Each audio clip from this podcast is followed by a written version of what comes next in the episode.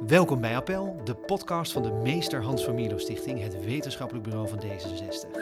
Waarin wij de verdieping opzoeken bij actuele politieke onderwerpen, altijd geïnspireerd door het sociaal-liberale gedachtegoed. Mijn naam is Daniel Schut en bij mij zit eh, Daniel Boomsma, eh, onder andere auteur van het standaardwerk De Keuze van D66. Een soort hoeder van het gedachtegoed is uh, deze man.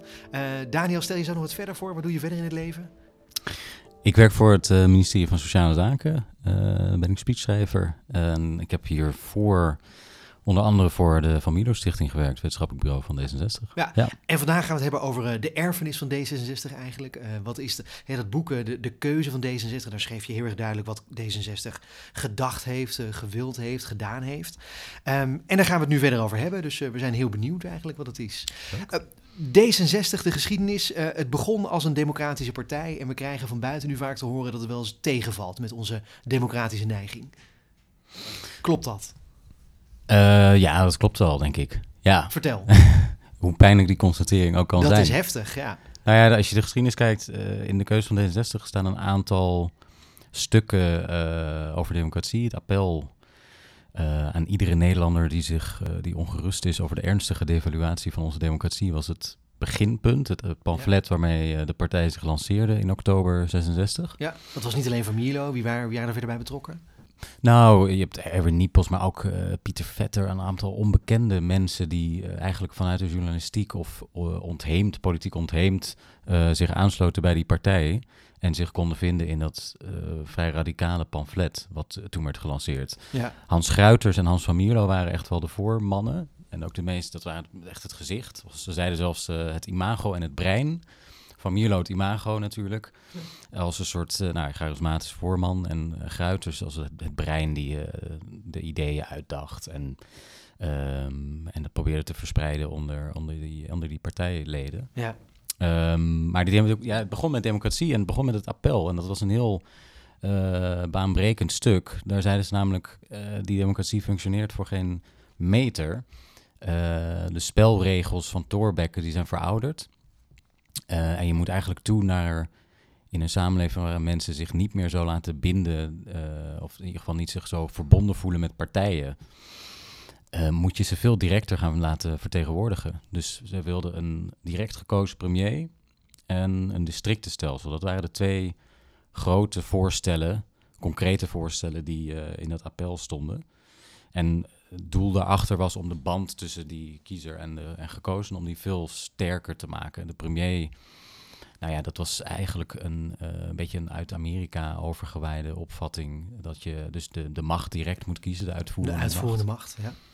Um, en het districtenstelsel was een vorm, al hielden ze daar niet heel sterk aan vast, maar dat was al een vorm om, de, uh, om volksvertegenwoordigers meer uh, in contact te brengen of een eigen mandaat te geven vooral van, uh, van de kiezer. Dus je zou niet zonder voorkeurstemmen de Kamer in moeten kunnen komen. En in schril contrast met wat het nu is, waarin eigenlijk de meesten achter de brede rug van de lijsttrekker die Kamer in komen wandelen. Uh, nogal onbekend zijn ook. Ja. dat wilden ze doorbreken. Ze hadden die twee voorstellen in dat pamflet. Twee heldere, simpele voorstellen. Wat, wat is er nu van overgebleven binnen de partij?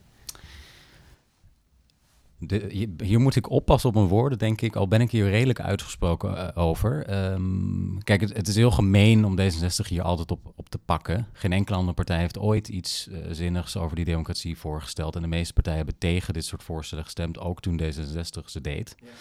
Ja. Um, dus in die zin is het altijd een beetje flauw om D66 dan de maat te nemen. Maar als je dan zo begonnen bent, dan ligt er wel een grotere verantwoordelijkheid bij een partij als D66 om om hier uh, nou ja, op zijn minst mee bezig, om daaraan vast te houden. Al dan niet met andere voorstellen, maar wel met de kernideeën die erachter zitten. Um, was een onderzoek van Vrij Nederland, geloof ik, onder andere Nieuwsuur ook, in een gezamenlijke uh, peiling die zij deden. Dat was geloof ik een jaar of twee, drie geleden, waarin uh, slechts 6% van de achterban van D66 stelde dat er iets moest veranderen aan de democratie. 6%. Ja. Dat is bijna niemand. Dus je hebt. Dat, ja, uh, dat is heel weinig. Ja. Als je het hebt over de erfenis van D66, om even dat, dat kernthema van, uh, van de podcast aan te halen. Het is. Uh, je hebt een erfenis die eigenlijk niet helemaal meer van jou is. Dus ja. het is een heel onrustig bezit. Voor D66 is het ook best wel confronterend, die eerste tien jaar, laten we zeggen, van, van de partijgeschiedenis. Omdat het enorme radicalen waren. Ja. Je kan het ook in de context natuurlijk plaatsen van een nou ja, wervelende, hervormingsgezinde gezind land.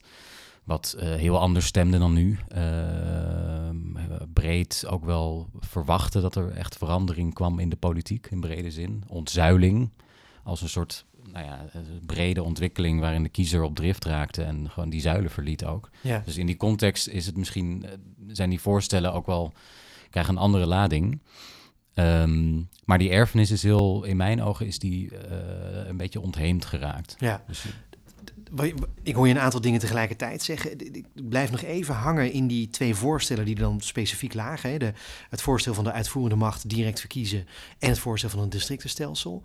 Zou het ook kunnen zijn dat we als partij of dat de, de leden van D66 die voorstellen niet meer willen, omdat ze in de loop der jaren hebben ontdekt dat het eigenlijk helemaal geen goede voorstellen zijn, inhoudelijk? Dat zou je kunnen zeggen. En op zich, er valt ook best wel wat voor te zeggen hoor. Dat, je de, dat de gekozen premier en het districtenstelsel als in de vorm niet zo passen bij ons stelsel. Of dat er, nou ja, dat er dingen verloren gaan. Bijvoorbeeld in een districtenstelsel. Uh, dat het, als je dat in absolute meerderheid zou doen, dan gaan er heel veel stemmen verloren. Denk aan het Engelse systeem. Um, maar het, het is denk ik niet zozeer... Leg even uit, hè. je zegt denk aan het Engelse systeem. Ik weet niet of iedereen het even goed op het netvlies heeft. Er gaan stemmen verloren vanwege dat principe, dat heet dan first past the post. Maar wat, wat betekent dat precies?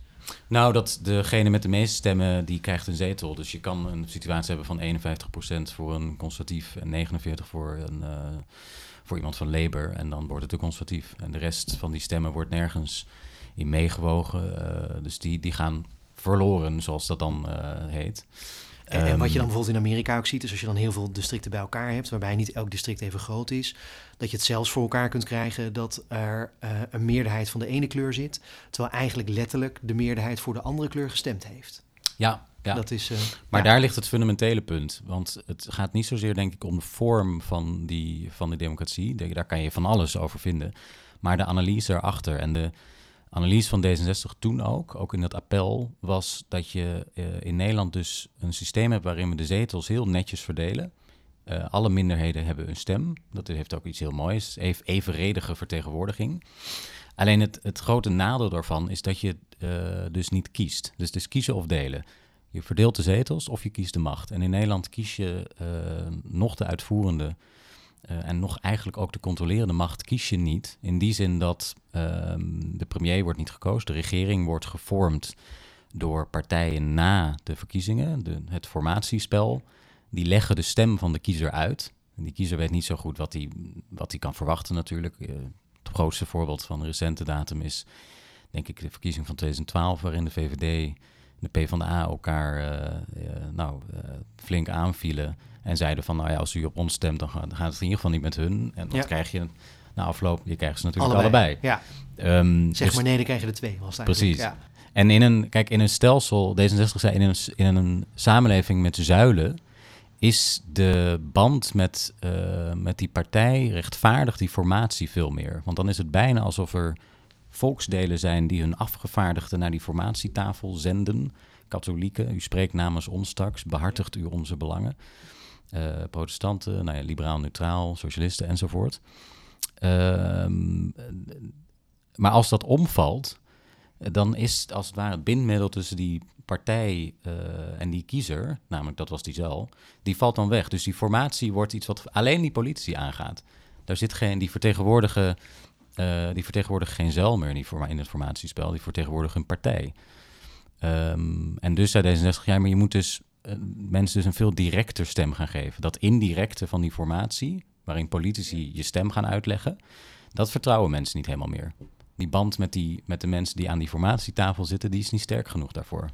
En, maar dat blijkt toch eigenlijk ook wel zo te zijn. En dat is volgens mij enorm gebleken. Als je leest wat in de kanten verschijnt anno, na elke formatie. Ja, je, ja dat en is, anno 2009, ja. 2020, pardon, schrikt D66 ontzettend van die situatie. Ja. En schrikt D66 ook van partijen die dus heel radicale, radicaal tegen dat systeem schoppen. Uh, niet per se met voorstellen over een districtenstelsel, maar wel tegen de gevestigde orde, zoals dat tegenwoordig dan heet. En wij, de, de D66 schrikt daar ontzettend van. Uh, en misschien zit daar ook een beetje... concreter. Waar schrikken wij precies van? Nou, populisme. Ja. Ehm, eigenlijk wel alle bewegingen die, ehm, die suggereren dat een bepaald wantrouwen moet worden gemobiliseerd tegen de zittende macht. Ja. Tegen politici ook dus in zekere zin. Ehm, en D66 is, een- dat zijn nette mensen, die eh, redelijke mensen, die daar, die daar ongemakkelijk van worden. En die denken van, nou ja, als, als het zo moet, dan maar niet. En daarom krijg je zo'n percentage als 6% Ja. eh, van de achterban die zegt, nou ja, laat, die eigenlijk alleen nog zegt, eh, ja, we moeten hier eens mee. Ja. De rest zegt, laat het maar. ja. Je staat aan de verkeerde kant van de streep. Maar dat is nogal confronterend wat je nu zegt. Ja, Het is, Ja. het blijkt bijna alsof je eigenlijk zegt... iemand als Baudet heeft gelijk als hij ons verwijt... dat wij niet meer democratisch bezig zijn. Nou, we zijn wel democratisch. Ik zeg niet dat we antidemocratisch zijn, hoor. Nee, leg je niet. bewust die, ik stuur je een beetje die kant op. Dat is, eh, Maar ehm, ik denk wel dat eh, de, de, de- als je het hebt over die erfenis van dit gedachtegoed, dat de beleving van het belang daarvan, dat die een beetje is verdwenen. Ehm, en dat het verwijt inderdaad van, ja, jullie, jullie doen hier zo weinig mee, dat dat terecht is. ja. Maar dat heeft meer te maken met, ehm, met, eh, met een bepaalde eh, gevoel van urgentie. Dus het wordt Ja. niet zo gevoeld dat dit... Ja, de meeste D66'ers denken ook, ja, een districtenstelsel... ehm, zo on-Nederlands. Dat zijn verwijten Ja. die bijvoorbeeld in de jaren 60 door de KVP werden gemaakt tegen dit soort voorstellen. Dus je ziet een soort... eh, ook het idee van je wil niet in het verkeerde kamp belanden. Ja. Eh, en dus eh, dan maar laat je het maar los. Ja. Maar als je Baudet hoort, kijk, Forum voor Democratie is een heel andere partij dan D66 van toen. Forum voor Democratie is een, eh, wil elitevervanging. Dus die zet het, het volk als het ware in om in alle lagen van de samenleving elites eruit te trappen. Ja. Dus van, eh, van journalistiek tot rechterlijke macht, Ja. tot de kunsten tot de politiek. Ja, je Dat is fundamenteel anders. Je gebruikt een heel interessant woord. Je zegt elitevervanging. Je gebruikt heel bewust het woord eh, afschaffing niet. Nee. Nee, het is een heel, Forum is een heel elitaire partij in die zin. Voor Democratie wil uiteindelijk gewoon een, een, een elite. En Baudet is daar denk ik dan het archetype van. Ja. ja. eh, die bepaalde opvattingen heeft. En het volk moet gemobiliseerd worden om die elite in het zadel te krijgen. En D66 heeft dat nooit gezegd. Die heeft altijd gezegd, je moet de burger bij het bestuur krijgen. Er waren de mensen die, aan de, die echt eh, invloed moeten hebben, dat zijn de mensen op straat. Eh, die elite dient daar contact mee te hebben. En eh, als het ware, er moet een brug zijn natuurlijk. Ja. ja. Ehm, maar over de inhoud van wat die, wat die allemaal denken, dat, dat is natuurlijk secundair. Het gaat om dat het systeem functioneert eh, zoals het bedoeld is, namelijk eh, demos kratos, eh, Ja. de stem van het volk. En, en dat is wel heel interessant dat je het zegt, want in de publieke perceptie worden die twee partijen nu wel heel vaak met elkaar vergeleken. En is de, de perceptie in ieder geval juist andersom. Ja. Dat wij juist meer de partij van de elite zijn, van de hoogopgeleide, van de meritocratie. Ehm, en Baudet wel echt een soort volkspartij is. Ja, eh, twee dingen. Eén, Forum is, vind ik eigenlijk geen echte partij. Het is, heeft geen ledendemocratie. Ja, Dus ja. het is een platform. In mijn, in, naar mijn mening, kijk, het officieel volgens mij is het wel een partij als je kijkt naar statutair en eh, wat het allemaal formeel Juridisch gezien het is, zijn, juridisch ja. formeel Ja. is. Maar het is eigenlijk een platform. Kijk naar de congressen, daar wordt geen moment gestemd. Er is, dat is gewoon een, een, een, bijna een show. Ehm, en tweede punt over D66 als dat de rollen in die zin eh, dat het eigenlijk spiegelbeelden zijn. Dat, ja, dat is ook wel een beetje zo. Als je kijkt naar de achterban van D66, dan zie je dat er zoiets bestaat als een green belt van Amsterdam Ja. richting Nijm, eh, langs Utrecht richting Nijmegen Arnhem. Dat is een hoogopgeleide achterban. Ja.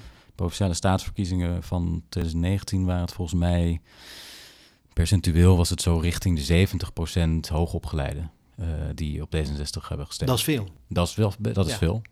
Eh, dus in de perceptie, het is niet alleen de perceptie, het is ook de realiteit. Ja. Ik wil nog niet zeggen, eh, op zichzelf is dat op- natuurlijk niet per se een probleem.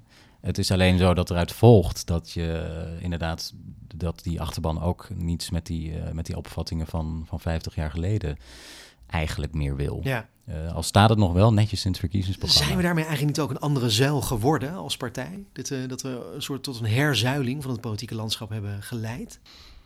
Ja, dat is wel een interessant punt. Want je ziet dat ook wel bij het SCP schrijft daarover gescheiden werelden. Dus dan langs lijnen van opleiding zie je heel duidelijke scheidslijnen in opvattingen over Europa, migratie, de islam, eh, integratie, Ja. Europese Unie.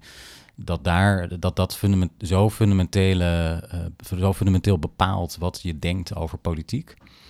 ehm, ja, dat je daar best wel zin, dat je dat best als, als een soort graadmeter kunt gebruiken. En in die zin, als je zegt van, nou ja, D66 heeft een heel hoog opgeleide achterban, dan val je dus in dat ene kamp. Uh, en is het heel makkelijk ook om de tegenstelling te schetsen met, met anderen die, ehm, nou ja, voornamelijk wat lager middelbaar, praktisch middelbaar opgeleide mensen te schetsen, waar, die aan de andere kant staan. Um, en die D66 zien als het absolute tegendeel van, van wat zij zouden willen. Ja. Uh, wil nog niet zeggen dat je op al die andere thema's die ik net noem, dat, dat, dat D66 daar ongelijk in heeft. Maar ik denk wel dat het, uh, het wel een heel breed beleefde uh, tegenstelling. Waarin je, uh, waarin, nou ja, waarin je misschien wel zou kunnen spreken van, van, nieuwe, van nieuwe zuilen. Al hebben ze in zekere zin ook weer heel weinig te maken met, met die levens, echt die puur levensbeschouwelijke, maar ook nou ja, uh, die, die praktische taken die zuilen hadden. Namelijk je, je, je eigen krant, je eigen omroep, je eigen ja. uh, nou, bakker, kapper. Je eigen gemeenschap. Je eigen gemeenschap. Ja, ja. Dat is absoluut anders, dat is weggevallen. Ja. Dus in die zin gaat het ook niet helemaal op. Nee, maar verklaart het ook een beetje waarom wij die urgentie niet meer voelen? Je had het net over, wij voelen als partij die urgentie niet. De, is dat onder andere ook omdat we toch mensen zijn, gemiddeld... Ja, ik aarzel om het te zeggen. Dat is eigenlijk heel onaardig wat we nu allemaal zeggen over onze ja, partij. het gaat over ons. Ja, ja. Uh, het zou, je zou kunnen zeggen van wel, ja. Ja. Je hebt een heel uh, mooi boekje van de um, Franse schrijver Edouard Louis. Ja. Dit is een enorme rockster, uh, romancier nu. Ja. Maar die heeft op een gegeven moment heeft hij het over politiek als op twee manieren. De ene is politiek uh, op zo'n wijze dat het iets zegt over jezelf. De meeste hoogopgeleide mensen zien het ook zo. Die zien politiek als een vorm van identiteit. Dat zegt iets over waar je staat in het leven. En je hebt politiek die heeft impact op het leven van mensen. En dat gaat doorgaans over eh, nou ja, mensen die ook echt de, de gevolgen ervan ervaren. En Ja. onder, nou ja, voelen. Bijvoorbeeld, eh, hij geeft het voorbeeld van, van zijn vader die ehm, een, een operatie, geloof ik, moet, moet krijgen, maar door een bezuiniging daar enorm veel bij moet gaan betalen. Dan gaat het over standpuntenbeleid. Dan gaat het over wat een overheid doet. Dat Ja, het is een voorbeeld ja. ook van in hoeverre politiek je materieel in je, in je dagelijks leven kan raken. Ja, Ik denk voor veel, voor de D66-achterban, dat zijn mensen die het goed op orde hebben. Er is ook niks mis mee. Hè? Het is ook niet eh, een soort disqualificatie. Het heb je, in een democratie heb je evenveel recht van spreken. ja, Maar het is wel zo dat misschien in de beleving van bepaalde vraagstukken. eh, nou ja, daar een soort scheiding ontstaat. Waarin je eh, nou ja, de dingen toch op een meer abstracte manier kan bezien. En je eigenlijk ook eh, nou ja, een beetje verschoond blijft van, van. Ja, wat zijn nou de gevolgen hiervan? ja, Ehm, en dat maakt het misschien wat makkelijker ook om, over, om, om de urgentie van, een, van zoiets als democratie. Ja, om daar, eh, om daar wat relativerend over te praten. En ach kom, het, ja, Ja. het gaat toch wel prima in Nederland. Eh, mensen eh, stemmen nog steeds. We zijn enorm welvarend. alle verkiezingsprogramma's van D66 openen ook met Nederland. Het gaat goed met Nederland. ja, ja. Maar daar zit wel een spanning ehm, in precies die constatering. Want die kun je alleen maken als je het ook echt zelf ervaart, denk ik. Nou, dat is eigenlijk precies de vraag die ik daarna wilde stellen. Want het, veel van de dingen die je van buiten eigenlijk hoort eh, als verwijten van andere partijen, en niet alleen Forum, ook andere partijen, ook journalisten, naar ons als partij toe, die bevestig jij nu eigenlijk met een blik van binnen. Dat we inderdaad wel een partij van hoogopgeleiden zijn en mensen die het op orde hebben. En dat we dus inderdaad niet zo, zoveel moeite voelen in het leven. En dat we dus inderdaad niet boos zijn op heel veel thema's die, er, die best wel relevant zijn voor de Nederlander. Hè, dan gebruik je een metonymie, dan gebruik je een stijlfiguur, dan zeg je de Nederlander. En dan onderscheid je de Nederlander gelijk al van de D66ers op deze manier doet. Ja. Eh, maar, maar dat zit dus ook impliciet eigenlijk in wat jij nu eigenlijk zegt. Impliciet wel. Ik denk wel, we maken ons boos over van alles hoor. Er Ja. zijn heel veel thema's ook waar, eh, ja, toch wat ik net al zei, het, het heeft, geeft je niet minder recht van spreken. Het- je zult maar eh, een soort omgekeerde antidemocratische gedachte dat als je hoger opgeleid bent of universitair of zo, dat Ja. je daarmee minder recht van spreken hebt of je niet boos kan maken. Ja. Sterker nog, dat gebeurt eh, elke dag en ook bij D66. Maar ik denk wel in de beleving van, van ehm, nou ja, laat ik een voorbeeld geven. Het, het, het wantrouwen en vertrouwen vraagstuk wat het SCP ook vaak aanhaalt in rapporten. Ehm, daar zit denk ik, eh, da- daar heeft, eh, speelt de, nou ja, de, de, de achterban van D66 die toch wel hoog opgeleid is en over het algemeen de zaken wel redelijk op orde heeft. daar is het veel makkelijker om vertrouwen te hebben. En het is een grote stap om je te verplaatsen in misschien de 30% van Nederland die, uh, die dat absoluut niet heeft. Dat Mhm. zie je ook in die rapporten terug. Een heel scheve verhouding in uh, vertrouwen in instituties bijvoorbeeld. Um, daar is het, vergt het wel iets van, van, uh, van je verbeelding om je, om je in die groep te verplaatsen. Um, maar het beeld van buiten is er niet voor niets. Hè. Dus D66 heeft uh, enerzijds altijd wel een beetje neig gehad om heel kritisch te zijn naar zichzelf. Ja. Misschien uh, was dat in de vroegere jaren was dat wel, wel te veel. Maar een beeld van buiten is natuurlijk niet iets wat zomaar uit de lucht komt vallen. Het is redelijk hardnekkig. Het is ook niet een verwijt dat pas de afgelopen vijf jaar is gemaakt. Dat, dat D66 inderdaad zo'n partij is die, uh, nou ja, voor de gegoede burgerij. Um, maar hij is niet voor niets hardnekkig. Dus er zit, uh, ook als je kijkt naar percentuele de percentages van wie erop, wie stemmen op D66, uh, wat zijn de opvattingen, dan is dat beeld redelijk consistent en wordt dat ook wel bevestigd. Ja. Um, alleen moet je waken voor, voor clichés over uh, de grachtengordel en dat soort onzin. Maar waarom dan? Want dat ja, maar dan wordt het stelfiguren. En daarmee wat daarachter zit, is namelijk een disqualificatie van je politieke uh, opvattingen. En je legitimiteit van de partij als zodanig. Ja. Dat, dat, dat, dat heeft helemaal niks mee te maken. Dus inhoudelijk is dit. Uh, en in mijn mening, het is een inhoudelijk punt waarmee je zegt van ja, je, je zou iets meer moeten gaan richten op, op die andere kant. Ja. Uh, zeker vanuit de positie die je hebt, die, die, die, die goed is. Dat raakt eigenlijk heel erg aan de volgende vraag die ik ook wilde stellen, namelijk over er is ons heel vaak verweten dat wij uh, geen ideologie hebben. We zijn pragmatisch. Uh, waar komt dat vandaan? Wat betekent dat? Ja, er was ooit, uh, het, het, was, in de begintijd was dat het woord uh, waar de meeste politieke partijen ook een hekel aan hadden. Uh, van Mierlo zei in zo eind jaren zestig zei hij iets van dat pragmatisme, dat kan nog wel eens de ver van de muren krabben. Waarmee hij eigenlijk zo, net zoveel wilde zeggen Prachtige als... zin trouwens, ja. Daar kan je Ja. de boel mee opschudden. Daar kan je echt uh, de fundamenten van de Nederlandse politiek mee, mee aanpakken. Het was heel nieuw. Het werd ook on-Nederlands genoemd door premier Biesheuvel, de Ja. ARP'er Ja. uh, van de antirevolutionaire. Um, en D66 was, en het ook erg in de context van die tijd, vond het veel te ideologisch um, versleten, dat politiek debat. Dus VVD tegenover PvdA, uh, in de schuttersputjes en alles wat er vanuit de ene kant kwam was fout en alles wat vanuit de andere kant kwam was ook fout. Um, en het pragmatisme was eigenlijk een, heeft niet zoveel met het filosofisch pragmatisme trouwens te maken. Uh, maar het wilde eigenlijk net zoveel zeggen als uh, wij gaan niet dogmatisch vasthouden aan één isme, maar we gaan op verschillende onderwerpen kijken wat we daarvan vinden. En daar zullen we ongetwijfeld geïnspireerd worden door vroegere ideologische stromingen. Maar we gaan gewoon kijken wat vind ik van landbouw, wat vind ik van defensie, wat vinden we van onderwijs, wat vinden we van economie. En dan kunnen de mensen thuis kunnen bepalen wat, wat dat is. Ja.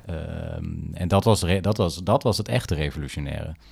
Uh, want dat heeft een enorme impact gehad. Het moest zakelijker, werd er gezegd, de politiek. Ja. Nou, als er iets is gebeurd uh, sinds de jaren 60, vanaf de jaren 80, 90 ook, dan is het wel dus de, de, dat de, de zakelijkheid van de politiek uh, zijn intrede deed. Ja, hoe dan? Hoe merken we dat?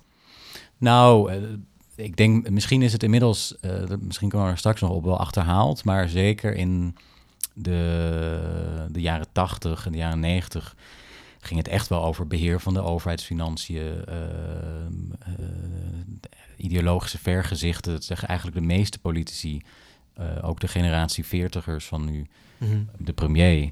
Zegt het zelf ook, ideologie heb je alleen maar last dat van. Is eigenlijk, ja. Dat is de erfenis van het pragmatisme. Die Ja. zeggen eigenlijk, ja, dat, dat, dat is onzinnig. Uh, uh, het beperkt je bewegingsvrijheid. Ik wil onbevangen kunnen kijken naar de problemen van deze tijd. Dat hoor je Ja. ook vaak, problemenoplossing. Een beetje iets uit de, uh, uit de natuurwetenschappen. Um, en, en daar, die zakelijkheid, um, die, heeft, die deed zijn intrede en heeft ook kabinetten mogelijk gemaakt die voorheen onmogelijk waren. Omdat Ja. het gewoon puur op zakelijke basis was. Lubbers is er een voorbeeld van. Een echte macher. Uh, de paarse kabinetten zijn ook wel een resultaat onder andere van, denk ik, dat je toch wat vroeger ideologisch gezien werd als totale tegenpolen. Onverenigbaar. Precies. Ja. Dat dat toch in één, uh, in één huis kon, uh, Ja. kon wonen. Het lijkt bijna alsof je wil zeggen dat Mark Rutte de eerste D66-premier is geweest. Is dat... Uh... Avant la, ja, een soort met terugwerkende kracht. zou je kunnen zeggen. Hij was ook lid van D66, hè? Is dat zo, ja? ja. ja. Wanneer? In zijn tijd uh, dat hij bij de JOVD zat. Dus dat was, uh, ik geloof, in de jaren negentig, even uit het hoofd. Hij zat een beetje te dubbelen eigenlijk. Hij, heeft, hij, is, had te, ja. hij zat te dubbelen, ja. ja. ja. Hij zat op twee paarden te wedden en hij heeft toch op het VVD-paard gewed. Ja, dat is, uh, ook heel pragmatisch. Ja, heel pragmatisch eigenlijk inderdaad. Ja. Maar dat tegelijk, tegelijkertijd, als je dit hoort, dan denk je, ja, pragmatische politiek is wel ook een beetje lelijke politiek, want het is opportunistisch. Je had een heel leuk artikel in 1968, net na de oprichting van Eddie Schuijer en... Harry Jongendijk. En die, zei, die had het, het artikel heet Dat rotwoord pragmatisch. Ja. Dat was meteen al in het begin. Maar ja, waar sta je dan voor? Precies. Uh, wat, ja. Als je het doet alsof je op allerlei verschillende onderwerpen iets anders denkt, wat is dan het bindmiddel? Ja. Is, het, is het gewoon, uh, nou ja, zo, bijna een soort opportunisme ook? Dan sluit het aan bij de tijdsgeest. Uh, zij vonden, zij hadden, in, nou ja, het blijkt uit de titel, hadden nogal een hekel aan dat woord, omdat het uh, suggereerde dat er geen ideologische basis was. En die vonden dat, zij vonden, die was er wel. Ja. Um, die vind je dan bij de Vrijzinnig Democratische Bond bijvoorbeeld van voor de oorlog. Je vond het ook in het liberalisme, vonden ze. Je vond het ook wel bij de Sociaaldemocraten. Dus zij vonden dat er verschillende inspiratiebronnen waren. Niet één ideologische ideologisch verhaal, maar waren wel, er was wel een basis. Ja. Dus daarom zeiden ze ook dat rotwoord pragmatisch. Ja, we zijn wel pragmatisch, maar dat wil nog niet zeggen dat je niet een ideologische basis hebt. Die is er toch eigenlijk Die wel. sluiten elkaar Ja. niet per se uit. Ja. Je bent alleen, dat is, en dat heeft D66 altijd behouden, je bent alleen niet dogmatisch. Dus het zijn mensen die, die willen vrij kunnen spreken over politiek. Die willen niet eh, geharnast een debat in. Die willen ook even een beetje de andere kant horen. Eh, dat, dat zat er toen in. Ja. Dat, was ook pragma dat was ook dat pragmatisme. Dat zit er nu nog steeds. Is dat nog steeds zo? Want we zijn wel de partij die als een van de eerste en als eh, een van de luidsten heeft gezegd dat wij de PVV bijvoorbeeld willen uitsluiten van samen in een coalitie stappen. Ja, ja dat... eh, En de- hetzelfde is nu net gebeurd over Forum voor Democratie, hè, na de bekende Marokkanen-tweet eh, van Baudet. Daar heeft Rob ook gezegd, nou, dat kan dus niet. ja. Eh, het is wel heel duidelijk voor iedereen dat D66 nooit naar die kant, eh, met die kant een coalitie zal aangaan. Ja, nee, dat is ook. Maar dat, de kiezers verdienen ook die helderheid, denk ik. Ehm, dat Ja. je dus dat duidelijk maakt van. Eh, dit is onverenigbaar. Ja, Eh, maar, maar in dat die snijdt toch zin- met die pragmatische houding. Dat je Ja, in die zin is ook, kant- wat ik net zei, het is ook wel een beetje achterhaald. Omdat die Ja. politiek, die verzakelijking, dat is, ja, dat, dat is waar eenmaal. Dat is Ja. ook wel een beetje langzaam aan het verdwijnen. De politiek is ontzettend aan het ideologiseren, in Ja. mijn beleving. En eh, ook wel op terechte gronden, omdat er gewoon, er zijn nieuwe, er zijn, anders dan in de jaren zestig is er, zijn er een aantal scheidslijnen die vragen om, om ook ideologische profilering. Ja. Eh, je ziet dat in de samenleving, dat botst ontzettend. Als dat niet in de partijpolitiek zich uit, dan gaat er iets mis in die partijpolitiek. Ja. Ik denk dat mensen zich ook ergeren als het ontzettend eh, praktisch zou blijven, terwijl die hele samenleving aan het broeien is met, met opvattingen eh, en, en met botsingen tussen, tussen stromingen. Hebben wij dan als partij, als D66, ook heel bewust dat pragmatisme laten varen ondertussen? Heel lastige vraag. Heel, ik denk dat heel veel D66'ers zich nog steeds pragmatisch noemen. Ehm, dat ze het woord sociaal-liberaal, zoals dat in, sinds 1998 eh, de officiële aanduiding Ja. is. Dat ze dat, ei- niet iedereen vindt dat een, een, een, fijne term om, eh, om zichzelf mee aan te duiden. Sommigen wel, sommigen liberaal zeggen, sommigen zeggen liberaal, anderen noemen weer iets anders. Ehm, ik denk niet dat het pragmatisme is niet losgelaten. Ehm, ik denk alleen dat er eh, dat het eh, een- de electorale strijd misschien een beetje een vertekend beeld geeft dat het inderdaad dat D66 inderdaad een soort eh, ideologisch gestaalde club is geworden. Ja. Ehm, maar als ik eerlijk ben, even hard op de tong, dan denk ik ook dat, het, dat die strijd met, met Wilders bijvoorbeeld en nu met Baudet, dat dat veel sterker electoraal is ingegeven dan, eh, dan hard ideologisch. Het is strategisch. Ja, ik wil niet zeggen dat het niet ideologisch kan, want ik denk dat, dat, dat er heel goede gronden zijn. Eh, het botst ontzettend op mensbeeld, wereldbeeld. Ja. Maar eh, als je het electoraal ziet, dan is, dan is het strategische element is heel aantrekkelijk. Eh, en dat is ook gebleken, want de twee, eh, zeker in de tijd van Pechtel tegen Wilders, heeft, hebben ze elkaar opgestuurd tot grote hoogtes. Heeft Wilders ook ooit een keer gezegd, hè? u heeft uw zetels aan mij te danken. Ja, dat, ja, is, dat eh, hadden ze ja. wederzijds. Ja, ja, Kunnen ze dat ja. tegen elkaar Het zeggen? ging ja. beide kanten ging dat op, inderdaad. Ja. En dat is wel heel interessant, want je haalt nu ook het woord ideologie toch een paar keer weer aan. En, en dat we, ehm, je zegt nu dus van, nou, oké, we zetten ons misschien af tegen bepaalde partijen, omdat we eh, aan de ene kant omdat het electoraal handig is, maar ook omdat we ideologisch tegenover elkaar staan. Wa- wat is die ideologie dan? Van D66. Ja, ja. Ehm, dat is altijd heel moeilijk gebleven. Eh, ja, zo kom je er niet uit, hè? Nee, nee, Ja. maar dat is, dat is, dat is wel de, de realiteit is dat D66 begon anti-ideologisch. eh, werd door sommigen aangeduid als een opvolger van de Vrijzinnig Democratische Bond. Ja, Radicaal-democratisch en eh, sociaal-liberaal, voor zover je dat kan zeggen. Ze Ja. gebruikte die term zelf niet, maar het was wel een vorm van liberalisme die eh, wat meer aanschuurde tegen eh, nou ja, de linkerkant zat. ja, Dus ook sociaal-economisch. Ehm, maar ideologisch aan het begin is het altijd een strijd geweest van waar staan jullie nou voor? Vlees nog vis, werd er gezegd. ja, Staat voor Ja. helemaal niks. Ja. Zelfs een campagne in 1994 geweest met de slogan D66 staat voor niets. Was ironisch, maar ironie werkt nooit in de dat politiek. kon ook alleen maar in die tijd, hè? Dat, Dat is kon echt, toen ja, nog wel. Ja, Maar aan het begin had je wel, dat is een, een heel typerende eh, eh, episode, of eigenlijk verhaal in de geschiedenis van de partij, die aangeeft hoe moeilijk, dat, a- a- hoe moeilijk die ideologische grondslag is geweest. Namelijk het moment dat Van Mierlo werd gevraagd in 1970, PvdA of VVD. ja, Eh, in de beleving is D66 altijd tussen die twee ingezet, ja, ge- ingeplaatst. Paars was natuurlijk per definitie de, of bij, uit, bij uitstek het voorbeeld daarvan. deze Paarse was de lijn tussen die partijen. groen, was- ja. of, Ja. rood en blauw, nou dan krijg je paars. Ja. Van Mierlo werd toen gevraagd eh, tussen die twee te kiezen. En hij zei met pistool op de borst kies ik voor de PvdA. ja, En hij zei volgens mij, ehm, ik, deze, de- dit verhaal is niet helemaal, het is niet helemaal duidelijk of, dit, of hij dit nou zei. Of dat hij zei, zonder het pistool op de borst kies ik voor de PvdA.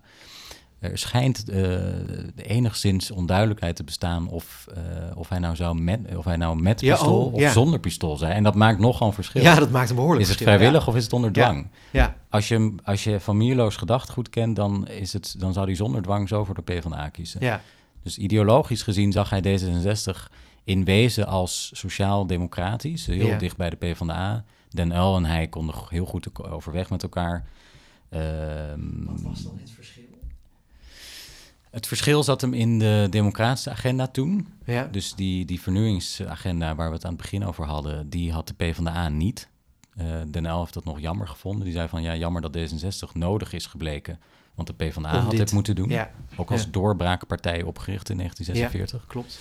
Ehm, het verschil was uiteindelijk wel, en dat kwam in de jaren daarna, dat, het wel, dat er een bepaalde vorm van liberalisme in zat. Meer zoals die, die Vrijzinnig Democratische Bond. Ehm, die niet socialistisch was. De PvdA was heel lang socialistisch natuurlijk. Na de jaren negentig werden de veren afgeschud, zoals Wim Kok dat zei. Dus ideologisch werd, het, werd die, die zakelijkheid... Zijn ze kwam er- pragmatisch geworden precies, eigenlijk? daar Ja. waar we het net Ja. ook over hadden. Ja, Ehm, maar D66 is altijd iets eh, individualistischer geweest, wat, wat liberaler in die zin. Ehm, maar kan, eh, eh, heeft zich ook wel over de decennia getransformeerd. Dus in het begin was het veel dichter bij de PvdA. Als je nu kijkt, dan is de PvdA wordt absoluut niet als, als partner gezien. De Nee. PvdA maakt eigenlijk elke keer weer duidelijk dat D66 rechts is. Wouter Bos zei, gel- geloof ik, op een gegeven moment de akelig rechts eh, over D66 ergens ehm, eh, in de, nou, rond, rond 2010 of zo, ehm, in de verkiezingsstrijd. Die partij maakt heel, die wil heel graag duidelijk maken dat dat een, toch een beetje Ja. VVD-light is geworden. Dus je hebt ideologisch gezien, het gekke is dat zeggen VVD'ers ook vaak, dus... ja, ja, ja, dat vind ik jammer. Dat dat, dat, dat verwijten ligt, want Ja. het is ook wel een beetje waar. dus ideologisch gezien is er ook wel een beetje een verschuiving eh, zichtbaar. Als je kijkt naar de eerste verkiezingsprogramma's, dan zit dat een stuk meer naar links. Ja, ja, Uh, maar het- dus het antwoord op, op ideologie. Ehm, er zijn meerdere, meerdere gezichten. Je hebt de D66 van, van begin jaren 60 tot, eh, tot, tot en met jaren 70. De jaren 80 is het weer anders. De jaren 90 wil het echt de brug zijn ja, in paars. Eh, en daarna is het de tweestrijd met, met Wilders. Ehm, dus er, het, het is een, een, een, in die zin een partij met, met vele kleuren. Die zich ook misschien juist door de vrijzinnigheid die er zit, dat, dat, nou ja, dat pragmatische, ja. juist makkelijker kan omvormen. ook makkelijker kan zeggen, nu gaan we rechtsaf, nu gaan we linksaf. Is dat electoraal uit te leggen? Meestal is de grootste angst van D66 dat het niet als eigenstandige partij wordt gezien. Ja. Eeuwige tweede keus. Ja, Is feitelijk ook trouwens zo. De meeste mensen hebben... ja. iedereen als is favoriete tweede nummer twee is, altijd. Hè? Dat is, eh, ja. ja. Ehm, dus electoraal is heel goed uit te leggen. Heel eh, duidelijk een vorm van zelfhandhaving. Ja, wij, eh, als, wij ehm, als, het, als het naar links opschuift, dan blijven we in het midden. Een beetje eigenlijk. En als het naar rechts opschuift, dan gaan we misschien een klein beetje mee, zodat je in een formatie er goed voor staat. Het doet een beetje denken aan het CDA van vroeger, die eigenlijk eh, ook altijd de middenpositie probeerde te bezetten eh, om na verkiezingen eh, een, een sleutelpositie te kunnen spelen. ja. Eh, dus electoraal is hier heel goed uit te leggen. En het is ook heel makkelijk. Hè? Ideologische lenigheid is, is eh, een groot voordeel in de politiek. Dat, het is een groot voordeel, maar toch denk ik dat als journalisten er stukken over moeten schrijven, dat ze te denken, ja, wat, wat voor label moet ik hier nu op, op plakken? Wat is dit nou precies? Ja, Voor wie staan ze nou eigenlijk precies? ja in de- recente jaren is dat ook wel langzaam eh, achter de rug gelaten. Althans, ik denk dat de partij wel meer ideologisch profiel wil. Ja, Ehm, nou ja, de kanon van sociaal-liberalisme heeft eh, de Van Stichting, eh, of ikzelf en Koen Brummer, de directeur, Ja. uitgebracht natuurlijk. Eh, maar ook daarvoor eh, zie je ook wel dat er wat behoefte is aan, aan een basis. Eh, en sinds 98 is er die aanduiding sociaal-liberaal. Dus je hebt neem ons even iets. mee naar dat moment, 98. Want dat is voor heel veel D66'ers nog iets wat...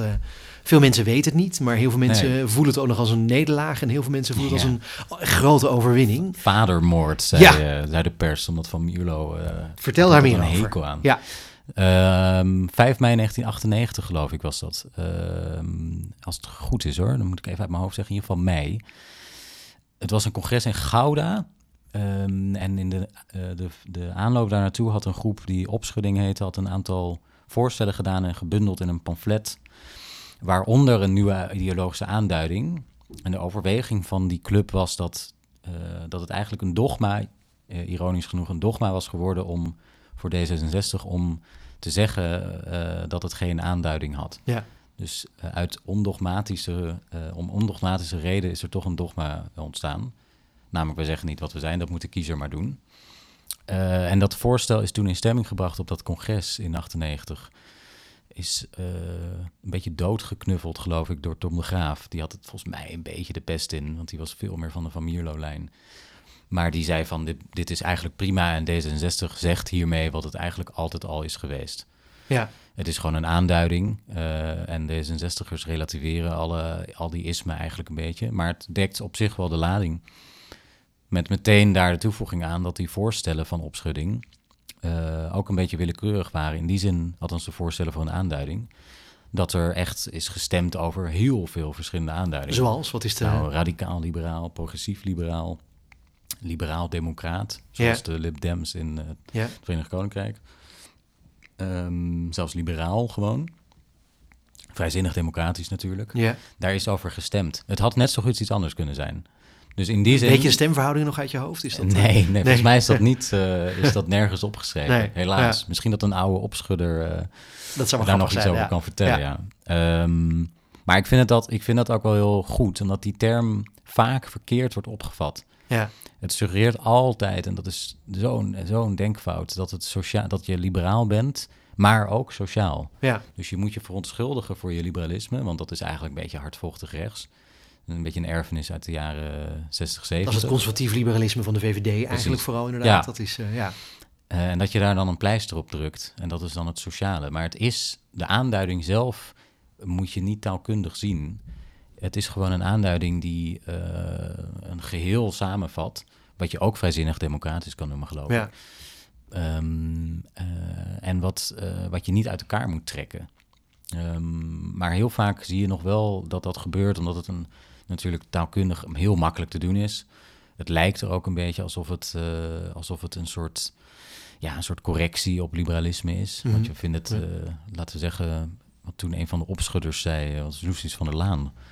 Van dat haalt de kou uit de lucht of zoiets. Dat heeft ze letterlijk gezegd. Ja, Ja, ja, ja, dat. Dat, dat, dat is een misvatting. Want dat suggereert een, een eh, gedachtegoed dat het waar het niet naar verwijst. Ja. Ehm, maar eh, dat is toen aangenomen na een stemming op dat congres, om erop terug te komen. Uh, en sindsdien voert uh, D66 die titel. Al is het pas na 2006 echt, uh, is daar echt werk van gemaakt ja. om dat ook te definiëren. Hoe dan? Hoe, wat hebben we toen gedaan? Zijn richtingwijzers gekomen, discussies, um, van recenter datum ook wel, uh, nou ja, thema's, uh, verschillende thema's, nou ja, uh, gewoon echt concrete politieke vraagstukken, waar dan dat woord sociaal-liberaal als uitgangspunt wordt gebruikt. Mm -hmm. Maar ik, ik, moet eerlijk zeggen dat het nog steeds, nog steeds een moeilijke term is. Het ligt nog steeds ligt die, uh, lastig, omdat je niemand wil nog steeds, en daar zit dat pragmatische toch nog in, niemand bij deze partij wil uh, ontzettend uitgesproken ideologisch, uh, een, een ontzettend uitgesproken ideologisch profiel hebben. Er zit nog steeds een beetje die twijfel in. Je wilt toch openheid, je wilt toch een beetje twijfel behouden. behouden. En um, dat maakt het misschien ook dat die term nooit zo helder zal zijn als bijvoorbeeld een SP'er kan zeggen, socialist. Uh, en dan sta je hiervoor. Daar sta ik ja. hiervoor. Ja. VVD voor mijn part of een andere partij. Ja. Um, VVD is niet zo'n goed voorbeeld. Die zijn eigenlijk helemaal niet zo ideologisch geïnteresseerd. Maar uh, de andere nee, partijen vertel, is, ja, dat is dat is zo? nog makkelijker. Ja. ja. Um, en dat ligt, dat blijft. Ik denk niet dat, dat D66 dat ooit over die, ja, die, die soort, die beetje die gespletenheid uh, daar overheen kan komen. Het zit er allebei in. Ja. Tegelijkertijd zetten we nu uh, de afgelopen jaren hebben we het steeds vaker over kansengelijkheid. Uh, kansen voor iedereen. Dat, dat geeft toch ook wel een bepaalde ideologie eigenlijk aan. Uh, ja, ja, die is wel weer wat nieuwer. Want Ja, andere ja. verkiezingsprogramma's kwam je ook wel terug, maar nooit helemaal op de voorgrond. Als ik kijk naar de eh, van eh, Rob Jetten van Breda, ergens in november was dat, was dat wel echt het hoofdthema. En dat Ja. was wel echt wat hij eh, vertelde Ik van... neem aan dat daar de verkiezingen ook mee wordt ingegaan straks. Dat dat het leidend eh, thema gaat Ja. worden. Ehm, dat verraadt ook wel iets van, eh, van, de, van die koers. Ja, dat is het, het gaat naar links, Ja, denk ik. Ehm, en er zit ook wel een idee inderdaad in dat We je... gebruiken die termen links-rechts heel eh, kritiekloos eigenlijk, maar daar moeten Ja. we er niet van af. Dat is... Ik had al heel lang, zat ik ook, eh, ehm, zat ik daar ook wel mee van, ja, waarom gebruik je dat eigenlijk? Het zijn eh idiote termen. ja. Eh, een van de vele manieren om jezelf een imbeciel te noemen, zei Ortega y Gasset. Eh, een soort een beetje gra- grapje bedoeld, maar aan de andere kant is het, het kan ook heel hooghartig zijn, want de meeste mensen denken gewoon in die termen. Ja. Die zijn heel hardnekkig en je kan doen alsof ze er niet toe doen, maar dan doen anderen het wel. Dus in die zin, eh, de inhoud ervan is misschien wel veranderd, maar ze zijn nog steeds heel gangbaar. Eh, al zou ik ook liever willen inderdaad dat je, ze misschien, dat je misschien wat andere termen voor had. Progressief, conservatief wordt ook wel gebruikt. Op maar het kieskompas, hè? op het kieskompas, ja, die as, ja. ja. die is Ja. op zich prima. Ehm, eh, maar dat daarvan afkomen, dat, dat, ja, dat is niet iets wat je eenzijdig kan afkondigen. Ja. Het is er nou eenmaal. Ja. En als we dan, dat, hè, dat is, dat is, ik interrumpeerde je daar op dat punt. Hè. Je zei dus eigenlijk van, als we dan toch de woorden links-rechts gaan gebruiken, ehm, dan zeg jij, dit is een ruk naar li- links eigenlijk. Ja, nou ja, sociaal-economisch, als je kijkt van eh, wat klassiek het beeld is van een, een, eh, de mate waarin je de overheid waardeert. Eh, hoe, hoe groot en hoe sterk of hoe, hoe actief moet die zijn Ja. ten opzichte van in welke mate laat je, laat je de dingen over aan, het, eh, aan private partijen. Ja. Laat je dat voor wat het is. Ja. grijp je in middels met staatsmacht? Dat is klassiek. Dus bijvoorbeeld, kansen, als je zegt eh, kansengelijkheid of eh, gelijkheid, dan suggereert dat op zijn minst wel dat je iets van macht wil aanwenden, staatsmacht, om daarin een gelijker positie van mensen te creëren. Om het te maken. Om dat te Ja. maken, ingrijpen dus. Ja, Ehm, dus dat suggereert sociaal-economisch in het klassieke jargon inderdaad naar links. Idem dito voor eh, het recent, wat, wat Rob, jij hebt volgens mij ook even aangehaald. Het verhaal over techreuzen en enorme private precies. Ja. machten die je hebt, die eigenlijk de staatsmacht bijna al, wel overvleugelen. Ook daar is de vraag, ga je daar eh, mee armpje worstelen? Ga, Ja. je dat, eh, ga je daar de strijd mee aan? En wie gaat dat doen? Nou ja, dan ligt er eigenlijk ligt het voor de hand om dat via de staat te doen. Dus in die zin is het heel klassiek. Het is een heel klassiek verhaal van een herwaardering van, van wat de overheid vermag. In een tijd dat er ook best wel weinig vertrouwen in is, is in wat die overheid kan. Ja. Ehm, Eh, dus in die zin is het echt wel klassiek naar links, ja. Ja. Vind ik een goede zaak. Ja, vertel. Ja, lekker weer op de schoot bij, uh, op schoot bij de PvdA. nou ja, sociaal-economisch naar links lijkt me heel gerechtvaardigd in deze tijd. Ja. Uh, besteedbaar inkomen, woningnood, uh, kapitaal dat zich toch wel ophoopt. Ja, gecentreerd is. gecentreerd. Ja. Weinig, heel, mensen weinig voelen van economische groei. Dat kan niet anders dan een verdelingsvraagstuk zijn. Dus dan kom je uit op links. of in ieder geval sociaal-economisch wat meer aan die kant, sociaal-democratisch sociaal-liberaal misschien wel gewoon. Dat is dan toch wat het is. Uh, ja, ja dan, dan kom je daarop uit. Dus er zijn heel goede redenen. De werkelijkheid uh, geeft er alle reden uh, toe om, om dat te doen. Dus ja. het is niet een ideologisch spelletje of zo van nou, nu gaan we een keer naar links. vraag de mensen op straat hoe ze het, hoeveel mensen dat ervaren. Ja. Um, en dan is het nu natuurlijk de vraag van hoe ga je dat doen. Maar goed, dat is, ja. dat is een tweede. Tot slot, hè, we hebben nog iets van een minuutje of zo. Uh, als partij waren we dus in het begin best radicaal. Ik, geef, ik heb een beetje het gevoel alsof je nu zegt... dat uh, zijn we ergens in de midden jaren 80, 90... zijn we dat minder geweest. Vind je dat we nu dat weer durven radicaal te zijn? Uh, Jette zegt het wel. Ja. Dus het is op zijn minst de prelude voor iets wat nog komen gaat. Um, ik denk ook wel, nou ja, laat ik het aan het antwoorden van, ik denk dat het wel moet ook. Je hebt altijd, D66 heeft zich altijd opnieuw moeten uitvinden om relevant te blijven. Uh, waar we het net over hadden, die vele kleuren, ook ideologisch gezien. Dus het, het, radicale in deze tijd is denk ik een heel mooi geitenpaadje om jezelf weer wat, wat, wat blos op de wangen te geven. Van uh, uh, we zijn er nog en we staan, ja. we staan voor, voor dingen. En dan gaan we ook, nou ja, dan ga je flink, ga je flink mee de boer op. Maar het radicale van de jaren zestig, dat weet ik niet of dat terugkeert. Ik denk, ben bang dat daar de, de angst om in het verkeerde kamp te belanden, populistisch rechts, ja. of alle andere, de, de, andere, andere radicalen, zullen we maar zeggen, dat de angst te groot is om, om, om onze bondgenoten te zien van, van die kant. En dat is in zekere zin heel tragisch. Want? Omdat die agenda uiteindelijk toch wel van, uh, in ieder geval historisch gezien, veel meer bij D66 zou moeten liggen. Ja. Uh, welke agenda dan specifiek? Nou, die radicale agenda ja. van het begin, ja. democratisch ja, met name, ja. um, die uh, toch een beetje schopt tegen de gevestigde orde. En had, toen was dat de democratie, dat kan ook wel op andere thema's, maar die zichzelf in ieder geval niet in het kamp van de macht plaatst. Alright. Voorzichtig radicaal zijn we dus eigenlijk. Ja, nou, zonder adjectief mag ook hoor. Heel goed. Daniel Boomsma, dankjewel. Uh, allerlaatste vraag. Kunnen we nog andere boeken van jouw hand verwachten? Publicaties? Uh, ik ben aan het nadenken. Gaat het? Het, het, gaat altijd op naar het papier. Oké, okay. ja, dus je ik... bent aan het nadenken. Dat, dat vind, daar ben ik nieuwsgierig naar. Vertel. Nou, nee, ik heb geen, geen idee uh, nog daarvoor. Maar ik, ik ben wel altijd een beetje bezig met... wat voor vervolger op iets kan komen. En ik heb de, die de kanon van het sociaal liberalisme ja. natuurlijk samengesteld. Dus ik wil volgende keer misschien wat, uh, niet iets samenstellen, maar gewoon zelf iets schrijven. Uh, pamflet misschien of zo. Dus de volgende verkiezingen... Maar het is hard op nadenken. Het programma wordt van jouw hand of uh, jij gaat... Nou, dat niet. Nee, nee, daar ben ik te filosofisch voor, denk ik. Okay. Heel goed. Dankjewel, Daniel Boomsma. En daarmee zijn we aan het einde gekomen van deze aflevering van Appel. Bedankt voor het luisteren. Andere afleveringen zijn te vinden op de gebruikelijke podcastkanalen of via onze website van mierlostichting.nl. Heb je vragen, opmerkingen of wil je gewoon graag een keer met ons in contact komen? Ga dan naar onze website, stuur een mail of gewoon een berichtje via Facebook of Twitter.